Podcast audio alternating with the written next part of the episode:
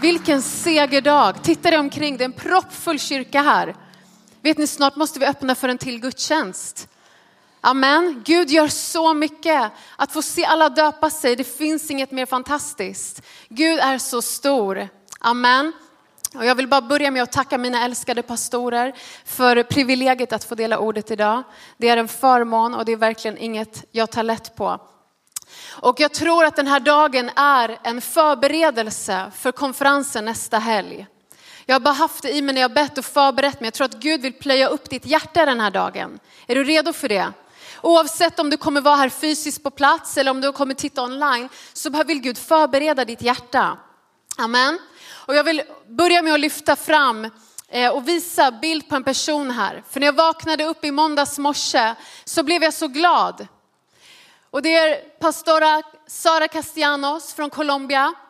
När jag vaknade i morse, i måndags, så fick jag till mig nyheten att hon har blivit Colombias yngsta senator genom tiderna.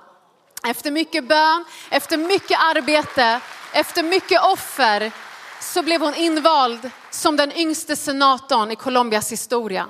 Visst är det otroligt? Och det som också är så starkt, och det fick jag veta under, senare under dagen, det är hennes mamma. Jag ska se om vi får en bild på hennes föräldrar. Våra älskade pastor Cesar och Claudia Castellanos. Och pastora Claudia är också senator, men för 30 år sedan klev hon in i senaten och blev Colombias första kvinnliga senator. Vet ni vem som låg i hennes mage? Sara låg i hennes mage. Hon blev befruktad redan då med den här drömmen att bli senator i Colombia. Och idag, då, i måndags på hennes 30-årsdag blev hon det. Man behöver vara 30 år för att bli senator i Colombia och hon blev det på sin 30-årsdag. Det är bara Gud, amen. Det är så fantastiskt och jag tror verkligen på samma sätt som hon fick bli befruktad med den här drömmen så vill Gud befrukta dig med någonting under nästa helg. Gud vill göra dig gravid med sin dröm. Amen. Med sin dröm för ditt liv. Med sin dröm för det här landet. Med sin dröm för Europa. Gud vill göra någonting i dig på djupet under nästa helg, under den här konferensen. Och vi hade inte kunnat ha den här konferensen om det inte var för de här personerna som fick E12-visionen i sina hjärtan och som lever ett sånt exemplariskt liv. Där de springer för Jesus, är hans lärjungar och gör lärjungar. De är exempel för oss. Amen. Och vi kommer bland annat få ta emot också pastor Cesar under nästa helg. Så du kan inte missa det. Det liv de lever vill jag leva. Amen. Jag hoppas du vill det också. Gud har stora planer för ditt liv och för nästa helg. Amen. Vi ska gå till ordet. Och Titeln för den här predikan är Vad har du i din hand? Titta lite på dina händer. Du har vackra händer, eller hur? Tänk att Gud har skapat oss med händer så att vi kan ta i saker och utföra saker. Vet inte om du har något i din hand, om du har en, en ring, om du har eh, en plånbok, mobil, vad du än har, eller handsvett. Men den här dagen så frågar Gud dig, vad har du i din hand? Vad har du i din hand? Och vi ska gå till Johannes kapitel 6 och vi ska läsa vers 1 till 13. Och det står så här. Sedan får Jesus över till andra sidan Galileiska sjön, alltså till Berias sjön. Mycket folk följde honom eftersom de såg de tecken som han gjorde med de sjuka. Men Jesus gick upp på berget och satte sig där med sina lärjungar. Påsken, judarnas högtid, var nära. När Jesus lyfte blicken och såg att det kom mycket folk till honom sa han till Filippus, var ska vi köpa bröd så att de får något att äta? Det sa han för att pröva honom. Själv visste han vad han skulle göra. Filippus svarade, bröd för 200 denarer räcker inte för att alla ska få varsin bit. Han var snabb med matten, den där Filippus. En annan av hans lärjungar, Andreas, bror till Simon Petrus, sa till honom, här är en pojke som har fem kornbröd och två fiskar, men vad räcker det till så många? Jesus sa, låt folket slå sig ner. Det var gott om gräs på platsen och de slog sig ner. Det var omkring 5000 män. Jesus tog bröden, tackade Gud och delade ut till dem som var där, likaså av fiskarna, så mycket de ville ha. När de var mätta sa han till sina lärjungar, samla ihop bitarna som blev över så att inget går förlorat. De samlade ihop dem och fyllde tolv korgar med bitarna som blev över efter de fem kornbröden när de ätit. Amen. Och det första jag vill säga idag, det är att vi behöver lyfta blicken och se behoven. Vi behöver lyfta blicken och se behoven. Det står att Jesus lyfte blicken och såg att det kom mycket folk. Jesus lyfte blicken och han såg folket. Och i det här sammanhanget, precis innan det här hände, så hade Jesus nära släkting, Johannes döparen, precis blivit halshuggen. Det var inte en rolig stund. Och Jesus och hans lärjungar, de beger sig till den här platsen för att få lite lugn och ro. Är det någon som vill ta lugn och ro här någon gång? Om du har haft en hektisk dag eller kanske varit bland mycket människor och du känner, kan jag bara få vara lite i fred nu? Kan jag bara få vila mig? Kan jag bara få återhämta mig? Vet ni, så var det för Jesus och lärjungarna. Men tusentals människor kommer till den här platsen. Och vad gör Jesus? Stänger han in sig i en grotta? Blir han arg och irriterad? Nej, han betjänar människor. Han ber för de sjuka, han predikar, han undervisar folket, han möter deras behov. Inte ens de svåra omständigheterna i hans egen familj blev ett hinder för honom. Det var inte ett hinder för att han skulle se människor. Det var inte ett hinder för att han skulle möta deras behov. Och timmarna går, den här dagen går och det blir mörkare och mörkare, kallare och kallare. Och människorna blir hungrigare och hungrigare. Och lärjungarna kommer till Jesus och de säger Jesus, det är dags att skicka iväg folket nu. De kommer bli hungriga här, de kommer börja vråla här snart. De börjar få lågt blodsocker här. Jesus, de behöver gå iväg nu så att de kan få äta mat. Och vad gör Jesus? Skickar Jesus iväg dem? Nej. Jesus ser det här som en möjlighet för Gud att möta människors behov och göra ett mirakel. Och det står att det var 5000 män på den här platsen. Och på den här tiden så räknade man familjehuvudet. Man räknade alltså antal familjer, så det var 5000 män på plats. Men det betyder att det kunnat vara 10 000 personer där med kvinnor och barn. Kanske ännu fler, för att genomsnittsantalet på antal barn man hade i Israel på den här tiden var 3 till 4 barn. Det hade kunnat vara upp mot 20 000 personer på den här platsen. Vi vet inte exakt, men vi vet att det var mycket människor som Jesus hade framför sig. Mycket människor och med mycket människor följer mycket behov, eller hur? Och Filippus han räknade, han försöker liksom logiskt sett räkna ut det här med Jesus och liksom bolla med Jesus. Och han räknar ut, eh, och det han säger är att åtta månadslöner skulle inte ens räcka för att mätta de här människorna och ge dem den här lunchen. Han räknar ut det här. Han räknar ut noggrant och logiskt. Och vet ni, vi ser mycket behov runt omkring oss, eller hur? Vi har behov i våra egna liv. Vi har behov i våra familjer. Vi ser behov i vårt land, vi ser behov i vår stad. Vi ser så mycket behov i vår värld just nu. Vi vet att det är krig i vår värld.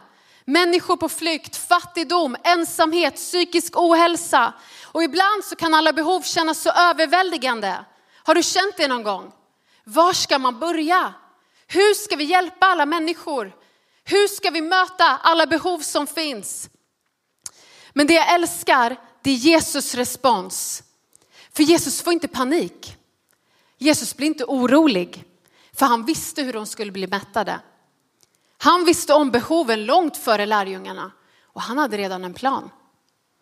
Och jag vet inte vilka behov du har i ditt liv, men jag vill säga till dig idag att Gud har lösningen innan du ens vet om att det finns ett problem.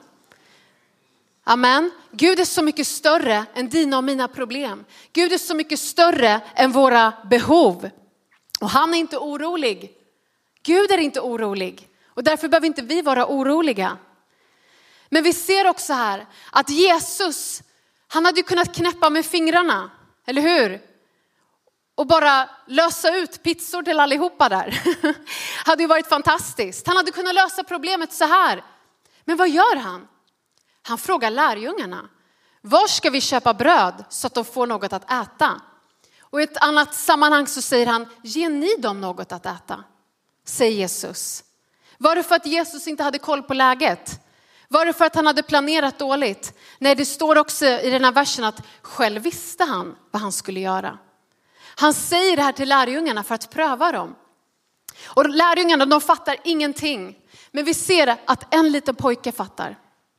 Och det är den lilla pojken som volontärt räcker upp sin hand och springer till lärjungarna frimodigt och säger, men jag har, jag har fem bröd och två fiskar. Och den här lilla pojken kommer till Jesus med det här lilla han har och Jesus gör ett mirakel. Vet ni, det är så lätt att ha fokuset på vad Jesus kan göra för oss. Men Jesus vill att vi ska lyfta blicken och han vill att vårt fokus ska vara på vad han kan göra genom oss.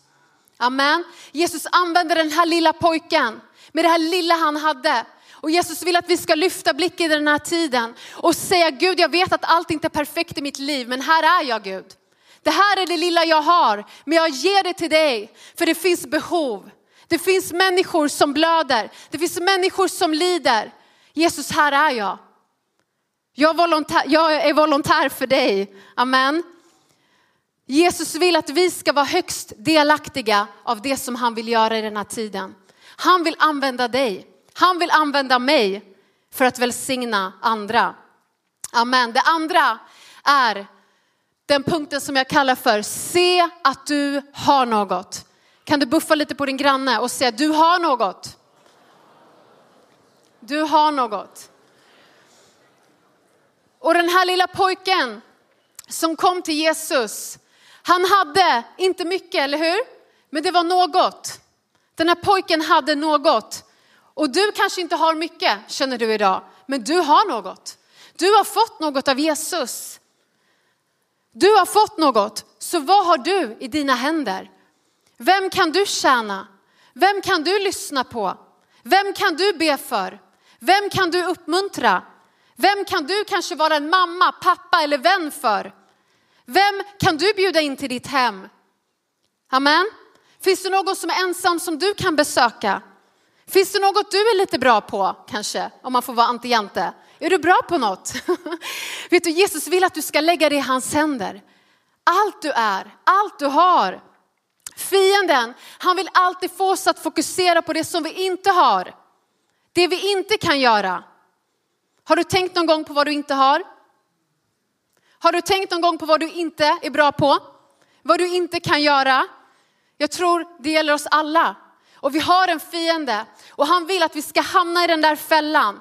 Att vi bara ska tänka så här, om jag bara hade det där. Om mitt liv bara hade sett ut så där. Eller om jag bara var lite mer som honom eller henne där. Hon som sjunger så bra, han som är så bra på att tala inför människor. Han som har eget företag där och vi håller på i det oändliga. Och vi kommer ingenstans. Vet du, det är ett träsk och vi ska inte fastna i det träsket. Utan vi alla har fått någonting av Jesus. Amen. Vi ser när Gud kallar Mose vid den brinnande busken att befria hans folk. Och Mose han börjar argumentera med Gud. Han säger Gud jag kan inte tala. Gud jag kan inte det här. Vem kommer lyssna på mig? Han häller ut alla sina ursäkter och argument inför Gud. Men vet ni vad Gud säger? Han säger, vad har du i din hand? Vad har du i din hand Mose? Och Mose hade ingenting speciellt. Vet ni vad han hade? Han hade en enkel herdestav. Han var en herde. En träbit med andra ord. Men det som är så fantastiskt det är att det var den träbiten som slogs ner senare i Röda havet så att hela havet delades och miljontals människor kunde gå igenom oskadda ut i frihet. Amen. Underskatta inte den du är. Underskatta inte det du har fått av Gud. Amen. Se inte ner på det, för det räcker för Gud att göra mirakler. Amen. Amen. Om Gud kunde använda en liten pojke med sin lunchlåda så kan han använda dig och mig. Det finns hopp. Det tredje är, ge det du har i Jesu händer så att han kan välsigna det. Vet ni, pojken han hade kunnat välja, han hade ett val den där dagen. Han hade kunnat välja att gömma det han hade. Han hade kunnat tänka, ja men vad ska det här göra för skillnad? Vad ska människor tycka och tänka? Har vi tänkt så någon gång? Det har vi allihop. Vad ska människor tycka? Vad ska mamma tänka? Vad ska brorsan tycka? Och så håller vi på. Han hade kunnat tänka så. Han hade kunnat räkna ut sig själv. Han hade kunnat strunta i att visa upp det där lilla han hade. Eller så hade han kunnat välja att spara det för sig själv. Spara det för sin egen mage. Spara det för sin familjs mage. Hade man ju tyckt, men det är helt okej. Det förstår vi ju, eller hur? Att han vill bli mätt den där dagen. Vet ni, jag tror inte att han var den enda på den där platsen som hade med sig mat. Jag tror att det satt flera personer där som hade gömt saker under sina picknickfiltar, eller hur? Kanske till både trerätters och grillmiddagar och allt möjligt. Men den här pojken, han var den enda som så fylld av tro, så anti-Jante, ställer sig upp och kommer till lärjungarna med det här lilla och säger det här har jag.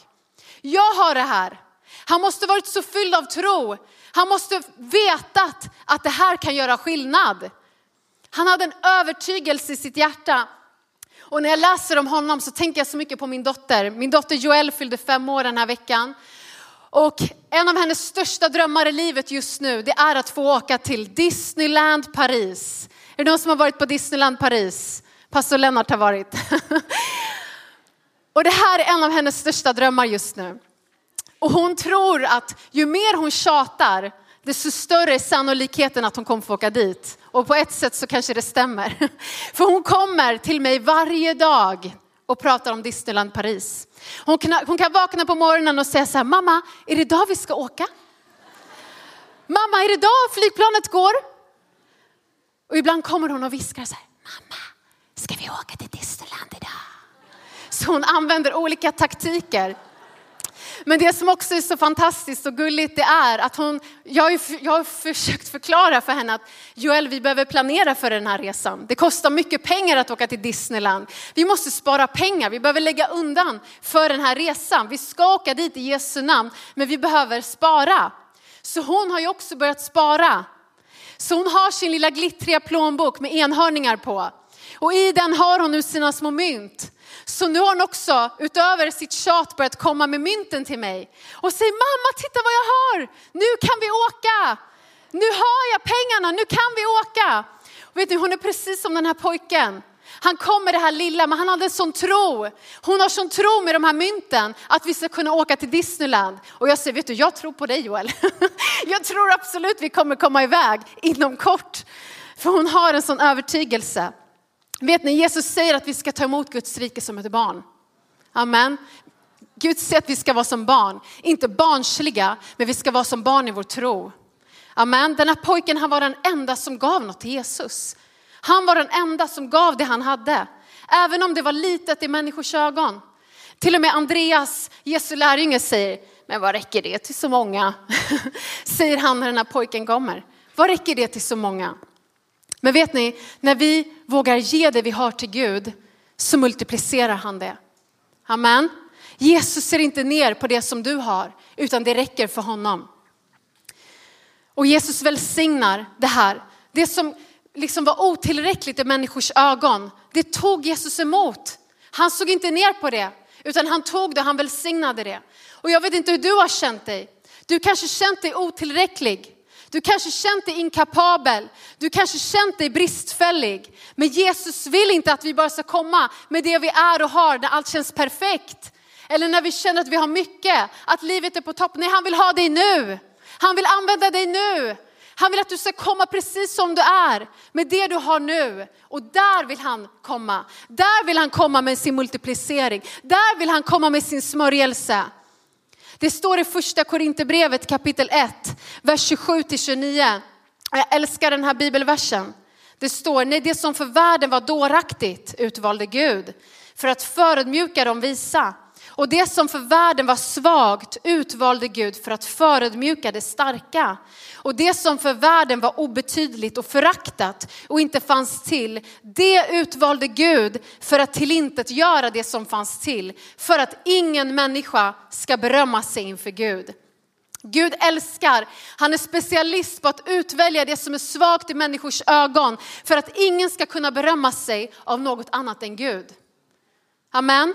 Den här pojken blev en hjälte den där dagen. Han var en Mr Nobody, han var ingenting speciellt i människors ögon, men Jesus ville att det var just han.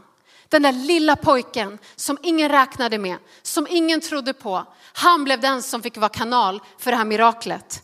Och Jesus tar den här lilla lunchen och det står att han tog bröden och fiskarna, han såg upp mot himlen och han tackade Gud för dem och han bröt bröden.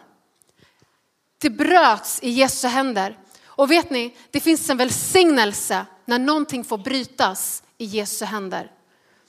När vi kommer med allt vi är och har. När våra hjärtan får förkrossas och brytas i Jesu händer. När vår stolthet, våra gåvor, det vi tycker att vi är bra på. När allt det får brytas så att vi inte längre kan berömma oss av oss själva. Vet ni, där kommer Gud med sin välsignelse och där kan han visa sin storhet. Hur var det för Mose? Jo, Gud sa till Mose, han hade den här lilla träbiten, liksom. han hade den här enkla staven. Men Gud säger, kasta det på marken. Kasta den på marken. Med andra ord, kasta ner det du har inför mig. Lägg ner allt du är och har så att jag kan göra under. Ge det du har till mig så att jag kan gripa in. Det du och jag har fått behöver vi ge till Jesus. Lägga ner det inför honom. Överlåta det till honom. Låta det få brytas och säga Gud, här är jag. Använd mig. Jag dör ifrån mig själv. Gud, gör det du vill göra genom mitt liv. Inte som jag vill, utan som du vill. Amen. Och när vi gör det, då gör han resten. Då gör han resten. Och det är det som kommer ske i den här konferensen. För det är Gud som kommer med smörjelsen. Vi kommer med det lilla vi är och har till Gud, men när vi gör det och lägger det i hans händer så kommer han komma med smörjelsen av multiplicering. Amen. Han kommer göra miraklet i ditt liv. Han kommer möta behoven. Han kommer med välsignelsen. Amen. När du gör din del så gör han sin del. Och det fjärde är att multipliceringen kommer när vi handlar i tro. Jesus han välsignar maten. Men när var det själva miraklet och multipliceringen skedde? Vi ska se. Det står i Lukas 9 att Jesus gav, han välsignade först brödet och fiskarna och så står det att han gav åt lärjungarna för att de skulle dela ut åt folket. Alla åt och blev mätta och bitarna som blev över plockades upp, tolv korgar fulla. Och jag vill bara illustrera det här för er. Tänk att det första Jesus gör, han säger till folket, sätt alla i matlag. Med andra ord, låt dem dela upp sig, 50 och 50 här. Liksom. Han, han styrde upp där, låt alla sitta i matlag. Alla sitter där hungriga, tänk som små fågelungar, så väntar på att bli matade. Så Jesus har redan skapat en förväntan på att människor ska få mat. Okej? Okay? Och sen så kallar han dit sina lärjungar. Han har brutit brödet och han börjar lägga de här små bitarna i lärjungarnas händer. Och kan ni se lärjungarna, de tar emot de här små bitarna liksom. Och så säger Jesus, gå och dela ut. Titta på det här lilla i sina händer. Okej, okay, jag går och delar ut det här. De måste gått med lite skakiga steg till den här stora gruppen. Eller hur? Den här hungriga gruppen som väntar på att få sin trerättersmiddag där. Och de kommer och tänk första personen och det är så här, snälla ta inte så mycket. Det ska räcka till många människor här. Och nästa och nästa. Men vad händer? När de börjar dela ut så kommer multipliceringen. Och det börjar växa i deras händer, eller hur? Det är ett mirakel. Det är ett mirakel det här. Det blir mer fisk, det blir mer bröd och lärjungarna mitt framför deras ögon, mitt framför alla människors ögon så växer det och blir mer och mer och mer och mer. Så mycket att alla blir mätta och det blir tolv stora korgar fulla över. Wow, det är fantastiskt, eller hur? Multipliceringen kom, men det var när lärjungarna började agera i tro. Jesus hade redan välsignat det. Jesus har redan välsignat oss. Amen. Men han vill att vi ska börja agera på hans välsignelse så att hans multipliceringskraft kan komma. Amen. Jag vill visa ett citat för det som jag läste. Och det, det, är så sant, för, för det står, if you want a miracle, give something away to make room for it. Om du vill ha ett mirakel, ge iväg någonting för att göra rum för miraklet. Amen. Det, det, det går inte ihop logiskt sett. Men Jesus är inte logisk. Han är inte logisk, utan vi behöver ge någonting. Vi behöver låta det brytas, läggas i hans händer och sen behöver vi agera på tron för att miraklet ska komma. Ibland är det som att vi sitter och väntar på Jesus. Jesus, vart är miraklet? Jesus, vart är multipliceringen? Men Jesus säger, gå i tro. Handla i tro. Ge i tro. Vet du, det handlar om tro i våra liv. Och jag påmindes om eh, en situation i mitt eget liv som var så här för mig. Och det var när jag gick på högstadiet, många, många år sedan, härliga år sedan. Och jag och min bästa vän, vi hade precis blivit frälsta. Vi var 14 år gamla tror jag och vi älskade Jesus över allt annat. Och vi gick på den här högstadieskolan och det var nog runt 300-400 elever på den här skolan. Och vi ville så gärna göra skillnad. Vår bön var Jesus, använd oss på den här skolan. Vår bön var Jesus, varje elev måste få höra om dig innan vi slutar på den här skolan. Och vi fick på våra hjärtan att varje elev skulle få en bibel. Och det var en stor skola, eller hur? Det var många personer. Vi hade inga jobb. Vi var fattiga små tonåringar. Vi hade liksom knappt barnbidraget. Vi hade ingenting. Vi var som den här pojken som inte hade någonting. Men vi hade sån övertygelse om att vi skulle göra det här. Vi hade sån tro, den bara växte i våra hjärtan. Och varje gång vi träffades och pratade om det här så bara växte det mer och mer i våra hjärtan. Vi hade sån övertygelse så att vi till och med bokade in ett möte med rektorn för skolan. Och vi satt ner och vi var så seriösa och allvarliga. Hon måste undrat vad vi var för några. Hon kunde nog inte riktigt sätta fingret på oss. Men vi sitter ner med rektorn och vi förklarar det här, vad vi vill göra. Vi säger att vi, att vi tror på Jesus och att vi vill dela ut biblar på vår skola. Och hon blev så övertygad så hon gick med på det här.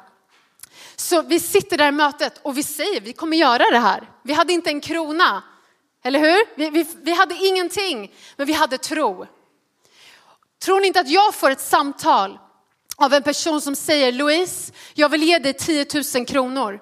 Vad den personen inte visste var att det var exakt den summan vi behövde för att köpa in biblar till hela skolan. Amen. Och vad jag kan se idag, det var att vår tro i våra hjärtan, vår övertygelse att vi skulle göra det här, det var det som förlöste smörjelsen för multiplicering och att miraklet kunde komma. Vi delade ut biblar till hela den här högstadieskolan. Varje elev fick ta emot en bibel den dagen. Amen. Det är värt en applåd.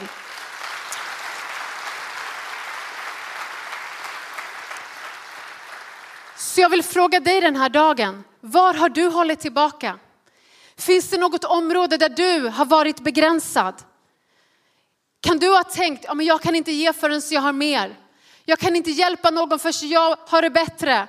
Jag kan inte göra det här förrän jag har mer tid. Vi kan ha alla dessa ursäkter i oss. Men vet du, Jesus vill att vi ska börja ta steg. Att vi ska börja ta steg i tro. Och han är med oss. Han kommer backa upp dig. Du kommer se hur han kommer verka genom dig. Amen. Det sista är att det du har är av betydelse och kommer göra skillnad. Ibland kan det som vi har, det lilla vi har, det kan kännas som en droppe i havet ibland. Ibland kan man känna, ibland kan man tänka, men Gud, vad ska det här göra för skillnad? Gud, vad kan min gåva göra för skillnad? Gud, vad kan den här kramen göra för skillnad? Att jag ber, liksom. ibland kan vi gå och tänka, vad kan det här göra för skillnad? Men vet ni, Gud är en Gud av mirakel.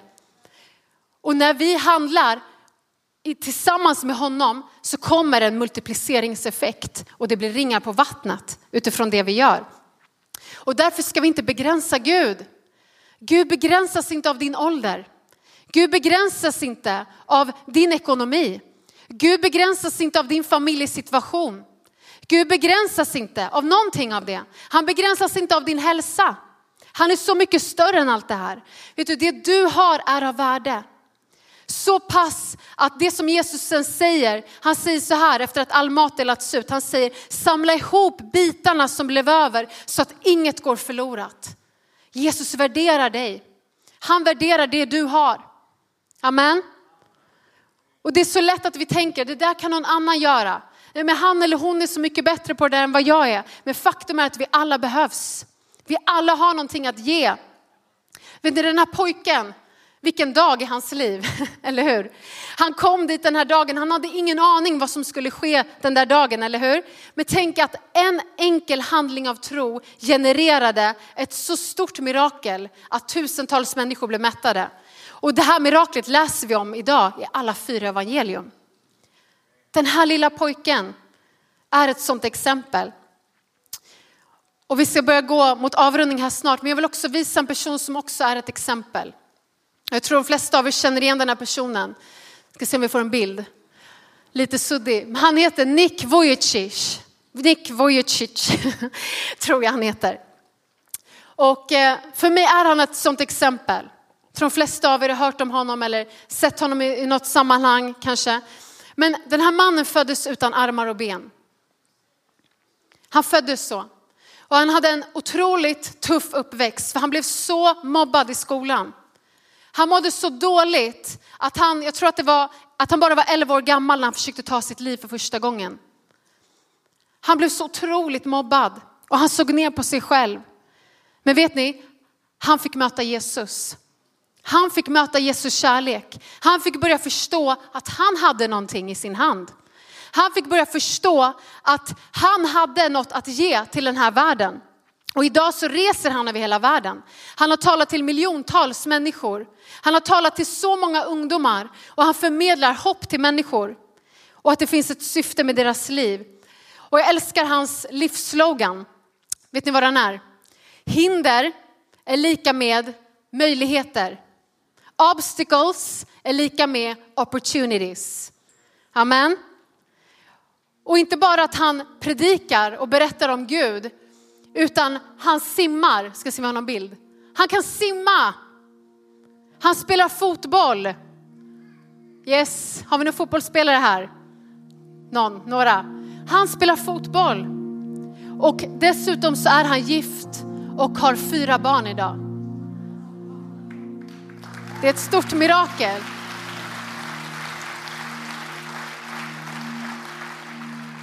Och han är ett sånt exempel.